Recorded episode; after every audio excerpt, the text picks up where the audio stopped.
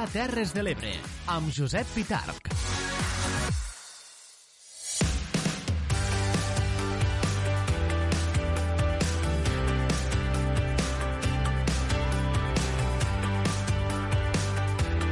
Les dos i mitja en punt, continuem, continuem en directe el programa El Dia Terres de l'Ebre. Ara ho estàvem comentant i també ho estàvem escoltant. Avui se celebra el Dia Mundial de la Ràdio.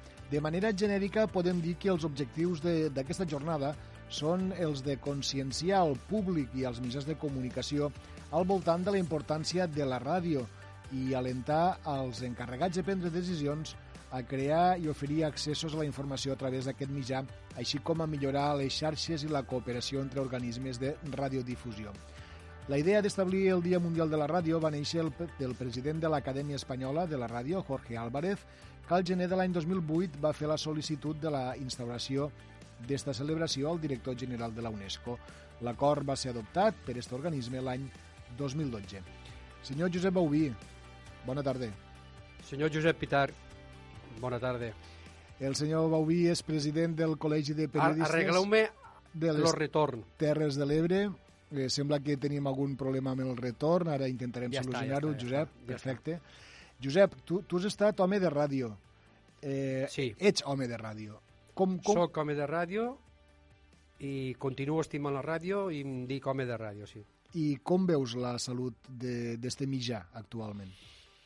Este mitjà sempre ha tingut aquelles coses de de, de que si es mor, la, que si la televisió... Que si, no. Jo crec que la ràdio té molt bona salut i l'ha tingut sempre. Mm. I la ràdio és immediatesa i la ràdio és estar al costat del ciutadà i la ràdio va a nivell mundial. Per tant, jo crec que la ràdio està millor que mai. Mm. Penso així.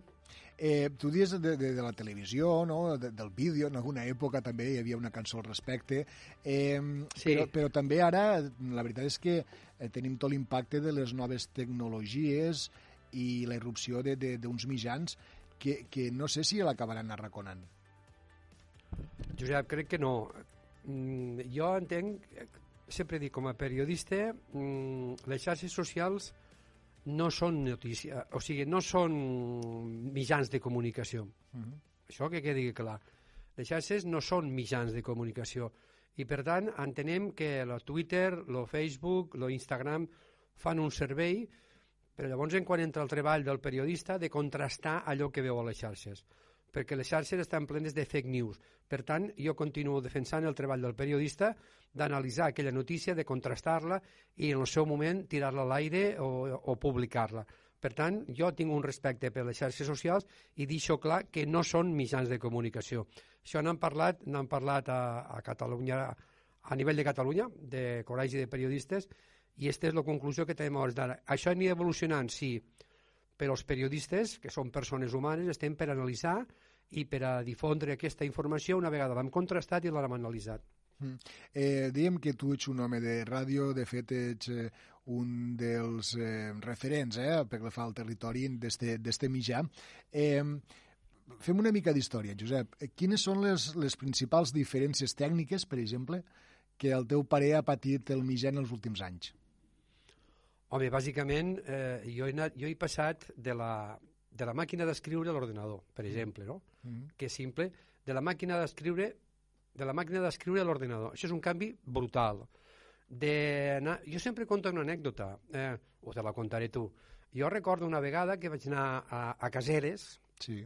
a cobrir una informació, no em digues d'aquí, i llavors els mòbils hi havia el que hi havia, no hi havia res i vaig tenir que passar d'una cabina d'aquelles de López Vázquez, vos recordeu que sí. en queden poquetes, sí. d'allí vaig passar una, una crònica a cobro revertido. Tu preguntes a la gent jove què és cobro revertido i possiblement no ho saben. Era allò de posar la gravadora davant del, de l'auricular. No, no, no, cobro revertido tu trucaves, eh, con quien quiera hablar, con no, tal no. telefònic, et contestava la senyorita i, i, donava la, i pagava la emissora, per sí, exemple, sí. la trucada. Sí, no, no, jo, jo et dic cobro de, revertido. Te dic de posar la gravadora al telèfon per enviar el tall de veu, això és el que et volia dir. Correcte, sí, sí, bueno, el que passava que llavors, quan, quan van arribar els mòbils, els mòbils estaven molt bé, però si un que ficaves la gravadora, que llavors era de caset, sí. no com ara digital, te s'acoplava i podia que, fer-te quedar com un xurro, no? Mm. Però tu m'has preguntat, home, la evolució ha sigut molt important de, de, de la màquina d'escriure, que com aquell que diu, la feien volar, a l'ordenador. En això tens tota la informació, la tens a un aparell. eh, després del telèfon normal, el que t'explicava, la, la trucada a cobro revertido, que els que tenim una edat ja ho han fet, al mòbil, i al mòbil, a més, d'alta tecnologia, que pots entrar amb qualitat impressionant per a poder entrar a un directe, per exemple. Mm. Tot això ha evolucionat tant que jo crec que els periodistes estem en franca mm, revolució continuada per dependre de totes aquestes noves tecnologies. Jo vaig treballar eh, sis mesos a Imagina Ràdio, jo muntava els informatius, muntava els bolletins, els editava, els muntava, jo vaig a dependre ja una mica gran, m'entens? Mm. Tot això és el canvi de la ràdio i cada dia canvia més. Avui en dia en un telèfon mòbil pots entrar en directe des de la platja de la Marquesa amb una qualitat de so que abans era impossible. Quan no hi havia els mòbils, imagina't. Eh, jo, jo te vull dir que, per exemple, en altres qüestions tècniques, preguntes a molta gent, jove sobretot, què era el Revox i no, no ho saben i, i quan expliques que quan va arribar el minidisc, que tampoc ja no s'utilitza, allò va ser jo una, gastat, jo gastat. una, re, una verdadera revolució, te se queden mirant una cara, volen dir, com si estiguessis parlant de la prehistòria, no? O fins i tot quan escri... ensenyes una màquina d'escriure te diuen on està la pantalla. Sí, sí, sí. Eh? Ja et dic, jo, quan ja feia volar la màquina d'escriure, van canviar l'ordinador. Bueno, llavors, és, hem tingut que reciclar tots aquells periodistes que vam començar jo, per exemple, a Catalunya Ràdio vaig començar fa 30 anys. Mm. Vaig estar 25 anys treballant a l'emissora pública, estic molt satisfet, molt content d'haver treballat amb grans companys que m'han ajudat-me molt, i això és una experiència molt gran. Però, a veure, tot això ha evolucionat tan de pressa, el minidisc, eh, llavors no s'acoplava. Tu recordes la gravadora en caset? Sí, i tant. En caset, que quan la ficaves al mòbil, te s'acoplava i començava... Uh, uh, uh. Sí. Llavors tenies que fer... I quan tenies que fer un directe, perquè a més a més jo al treballar a Catalunya Ràdio tenia una emissora que es diu Catalunya Informació que aquella emissora les 24 hores tenia gana d'anar menjant, m'explico? Mm, mm. I això és el que vull dir jo de la immediatesa. Catalunya Informació és allò que està passant ara aquí mateix i la puc explicar en dos minuts a la ràdio, m'entens? Mm. Però tot això, bueno, tu ja ho saps que també ets un home de ràdio, tot això ha evolucionat tant, tan de pressa que avui en dia les noves tecnologies ajuden molt a treballar d'una manera tècnica molt bona. Abans, jo recordo quan un incendi que va haver-hi a Rasquera fa molts anys, sí. però teníem uns telèfons mòbils que l'únic que hi havia, que va començar en aquell moment, a Catalunya Ràdio, i era un telèfon com aquells grossos, enormes, i tenies que anar a l'altra punta de món a poder agafar cobertura per a poder passar una crònica. O sigui, que tot això, tot això eh, forma part de la història. Avui, entrades a la platja de la Marquesa, com jo he sentit l'altre dia a, a la Júlia des de, de, de Ràdio Ebre Cadena Ser, mm. en una qualitat de so però un mòbil d'estos val una pasta. Llavors, tot això incorpora les noves tecnologies que sí que són un benefici. Sí que són un benefici gros. Josep, eh, un altre aspecte que volia comentar, que potser eh, hi, ha, hi ha vegades que, que diràs que aquí a l'Ebre mos, mos sap mal traure pit, no? però hi ha coses que podem treure pit. Aquí a les Terres de l'Ebre, a Tortosa, a Amposta, per tot, hem tingut eh, grans professionals de la ràdio. I tenim, evidentment. Sí, Sí, hem tingut i tenim grans professionals de la ràdio. Jo, per exemple, vull recordar eh, que el passat dia 24 vam fer la nit de la comunicació sí. al Col·legi de Periodistes Terres de l'Ebre, la primera nit de la comunicació, i es va fer un reconeixement a la gent que ha format part d'aquesta comunicació a les Terres de l'Ebre. Parlo de periodistes i comunicadors, uh -huh. i un Pepe Bayarri, un Joan Launes, eh, un Daniel Arassa...